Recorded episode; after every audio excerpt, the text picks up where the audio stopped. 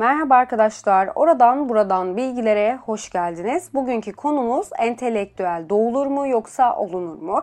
İlk önce entelektüel nedir? Bir entelektüel toplumun gerçekliği hakkında eleştirisel düşünme, araştırma ve normatif sorunlara çözümler öneren kişidir. Aslında entelektüelin tanımı herkese göre değiştiği için başka tanımları da dikkate almak istiyorum. O yüzden diğer kişilerin entelektüellerle ilgili yorumlarını inceleyelim. Sosyolog, filozof ve siyaset bilimcisi Ralph Dahrandor, entelektüellerinin görevinin her şeyden şüphe etmesi olduğunu, her türlü otoriteyi göreceli kılmak ve kimsenin soramadığı tüm o soruları sormasıdır demiş. Karl Marx'ın yani Marksist felsefesinde entelektüellerin sosyal sınıf işlevi, toplumun dönüşümü için ilerici fikirlerin kaynağı olmalıdır. Siyasi liderlere tavsiye ve danışmanlık sağlamak, ülkenin siyasetini, nüfusun kitlelerini yorumlamaktır demiş. Macar filozof Yorgo Lukas ise der ki entelektüeller işçilere ve köylülere anlaşılır ve erişebilir yorumlarıyla kim, nasıl, neden sorularının cevaplarını öğretmelidir. Jean-Paul Sartre ise entelektüellerinin çağlarının ahlaki vicdanı olduğunu söyler ve ekler ahlaki ve etik sorumluluklarının sosyopolitik anı gözlemlemek ve vicdanları doğrultusunda toplumla özgürce konuşmak olduğunu söylemiş. Artı olarak entelektüeller kendisini ilgilendirmeyen şeylere karışan kişidir diye de eklemiştir. Amerikalı akademisyen Peter Smith ise entelektüelleri tanınabilir bir sosyal sınıftan gelen bu ortak deneyim tarafından koşullandırılmış değerler ve etikleri paylaşma eğiliminde olan insanlar olarak tanımlamış. Entelektüellerin %94'ünün orta ve üst sınıftan geldiğini, %6'sının işçi sınıfından geldiğinde belirtmiş. Filozof Stephen Faller ise kültürel sermayenin güç ve statü sağladığından entelektüellerin özerk olması gerektiğini söylemiş. Yani zorlanmamış karar verme kapasitesi olmalıymış. Friedrich Hayek'ın yazdığı Entelektüeller ve Sosyalizm kitabında şöyle yazıyor. Gazeteciler, öğretmenler, bakanlar, öğretim görevlileri, radyo yorumcuları, kurgu yazarları ve sanatçılar işlevi karmaşık olanı iletmek olan entelektüel bir sosyal sınıftır. Entelektüellerin hayal gücüne ilham vermede başarılı olduğunda eklemiş. Ayrıca entelektüellerin toplumu değiştirmek, geliştirmek bir görevi olmalıdır da demiş. Julian Benda pratik amaçlara hizmet etmeyen faaliyetler içinde olmayı benimsemiş. Bütün insanlar entelektüeldir demiş. Yani şunu demek istemiş. Sanattan, bilimden, metafizik düşünceden zevk alan, gayri maddi çıkarlar peşinde koşan ve benim yurdum bu dünya değil diyen herkes Julia'nın gözünde entelektüeldir. Edward Said entelektüellerin en temel özelliğinin yalnızlık olduğunu belirtmiş. Şunu demek istemiş, diğerlerinin yaptığı gibi sürüye uyup mevcut durumu kabulleneceğine yalnız olmayı tercih ederler demiş. İlber Ortaylı'nın yaptığı tanıma gelirsek, entelektüeller üstüne vazife olmayan işlerle ilgilenen kişidir.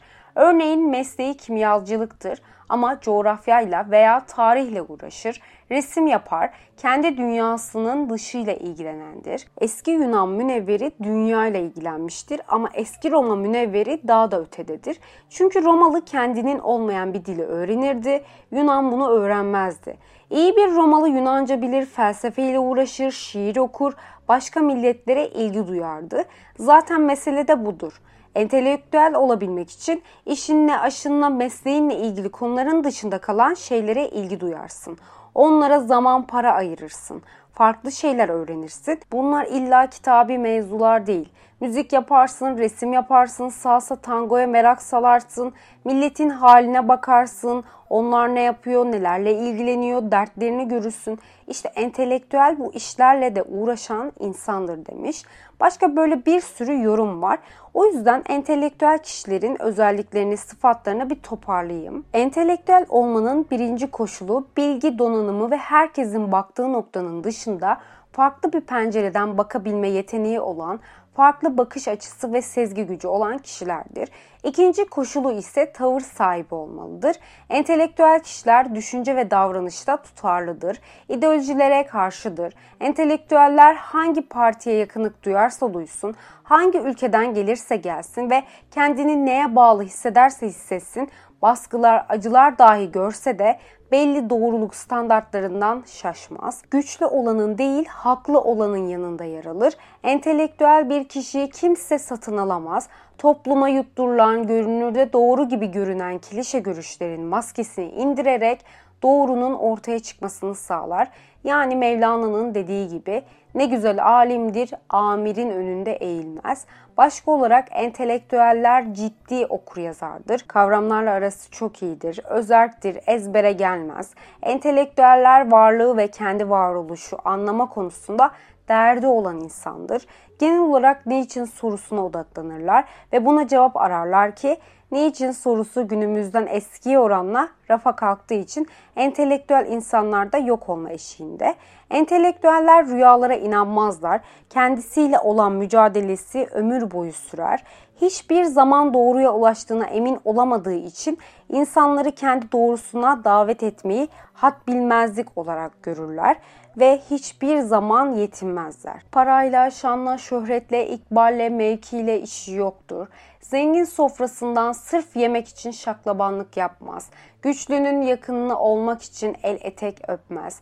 Zamanın ana akımına, modasına, yönelimlerine bel bağlamaz. Yeni bilgi üreten kişidir. Umberto Eco'nun dediği gibi yeni bir aşılama yöntemiyle elma ağacını daha verimli hale getireceğini anlayan köylü benim için bir entelektüeldir demiş. Umberto Eco'nun dediği sözü açmak istiyorum.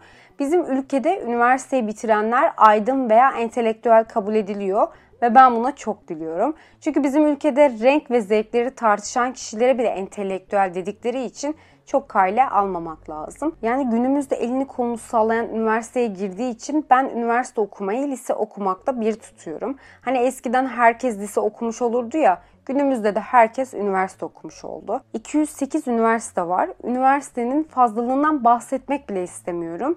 YÖK'e göre 2022-2023 öğretim yılında 6 milyon 950 bin 142 öğrenci varmış. 18-25 yaş aralığını sallarsam 8-9 milyon olsa herkes üniversite okuyor sayılır. Ki üniversiteler öyle bir yer olmalı ki gerçekten hak eden kişiler orada bulunmalı. 6 milyon öğrencinin hak ettiğini asla düşünmüyorum. Akademisyen olmak için istenilen şartlar bile kolaylaştı. Bu yüzden kaliteli hoca da kalmadı ve üniversiteler eğitim, öğretim gördüğümüz yer olmaktan çıkmaya başladı. Bunlar benim fikrim iyi ve kaliteli hocalar, öğrencileri tenzih ediyorum. Velhasıl üniversite okuyan kişiler bana göre asla entelektüel veya aydın değil. Bu dönemde üniversite okuma muhabbeti meslek sahibi olmak için var. Zaten aydın, entelektüel kişi diploması veya mesleğiyle ölçülmez. Bu arada aydınla entelektüel birbirinden farklı anlama geliyor. Aydın biri halkın cehaletini yok etmeye kendini adar, modernizme inanır, milliyetçidir, toplumsal duyarlılıkla harekete geçer, kurtarıcı misyonundadır. Gel gelelim entelektüel doğulur mu yoksa olunur mu sorusuna. Entelektüel doğulur kavramına değinirsek İlber Ortaylı'nın bir insanın entelektüel olması için en az 3 kuşak ailesinin okuması gerektiğini iddia edebiliriz. Sartre'nin Aydınlar Üzerine isimli kitabında tartışılmış bir konudur. Sartre'ye göre entelektüelin çıktığı sınıfsal ve coğrafi bir düzlem vardır. Der ki entelektüellik öncelikle teknik bilgi gerektirir. Peki bunu nasıl sağlarız? Eğer 3 kuşaktan entelektüel bir ailedeyseniz büyük ihtimalle fazla dili öğrenme ortamına, doğuştan sahip olunan bir sürü kitaplara, kütüphaneye, dünyanın çeşitli yerlerine gitme fırsatı gibi fırsatlar doğduğunuzda önünüze gelir. Aslında teknik bilgiyi çoğunlukla paradan elde ederiz. Neden? Kapitalist sistemde yaşıyoruz. Kapitalist sistemde iyi bir eğitim almakta, iyi kaliteli kitaplar okumakta, yurt dışına gitmekte parayla. Sartre de diyor ki bu nedenle yoksullardan entelektüel çıkması güçtür, zordur, zanaattir. Fakir insan bilgilenebilir bazı konularda ama asla burjuvanın ulaşabildiği teknik bilgiye ulaşabilecek zaviyeye gelemez. Ki Twitter'da bu konu bir ara çok dönmüştü. Hatırlıyorum biri şey yazmıştı. Anneannesi üniversite mezunu olmayan biri akademisyen olmamalı falan diye. Oğuz Atay'ın bir bilim adamının romanı kitabında buna benzer diyalog geçiyor. Hikaye şöyle. Bir gün bir üniversite öğrencisi hocasının yanına gidiyor. Hocası ne olmak istiyorsun diyor. Öğrencisi entelektüel olmak istiyorum diyor. Hocası ise senden entelektüel olmaz diyor. Öğrencisi de şunları söylüyor. Dersinizi 3 sene önce aldım ama hala bütün derslerinize giriyorum ki 300 kişilik sınıfta 30 kişi bile dersinize girmiyor. Okulda en çok okuyan öğrenci benim. Doçentlik tezlerine bile kaynak hazırlıyorum. Hocalarımıza konu öneriyorum falan diyor. Hocası da senden iyi araştırma, yazar olur ama entelektüel olmaz. Sana entelektüel olamaz dediğimde niçin demedin. Direkt köylü gibi alındın kızdın. Oysa ki yazarlık bilgi işi, entelektüel davranış biçimidir. Şu okulun önüne bak, son model araba dolu. Hepsi hocalara ait. İki senede bir model yeniliyorlar. Yenilemeye ihtiyaçları var mı? O zaman neden bu şekilde yaşıyorlar? Çünkü o yüksek ünvanlarla gördüğün hocalarının kariyeri, diploması ne kadar yüksek olursa olsun ruhları köylü. Güçlerini topluma kabul ettirmek için böyle hava atmak zorundalar. Ama gerçek bir entelektüel asla bu güdüyle hareket etmez. O yüzden bir insanın entelektüel olması için en az 3 kuşak ailesinin okuması gerekir demiş. Oğuz Atay'ın bu romanındaki profesörün anlatmak istediği o temel ayrım çok ince. Ben profesörün o anlatmak istediği ince ayrıma katılıyorum. Bir entelektüelin böyle işlerle çok bir ilgisi olmaması gerekiyor.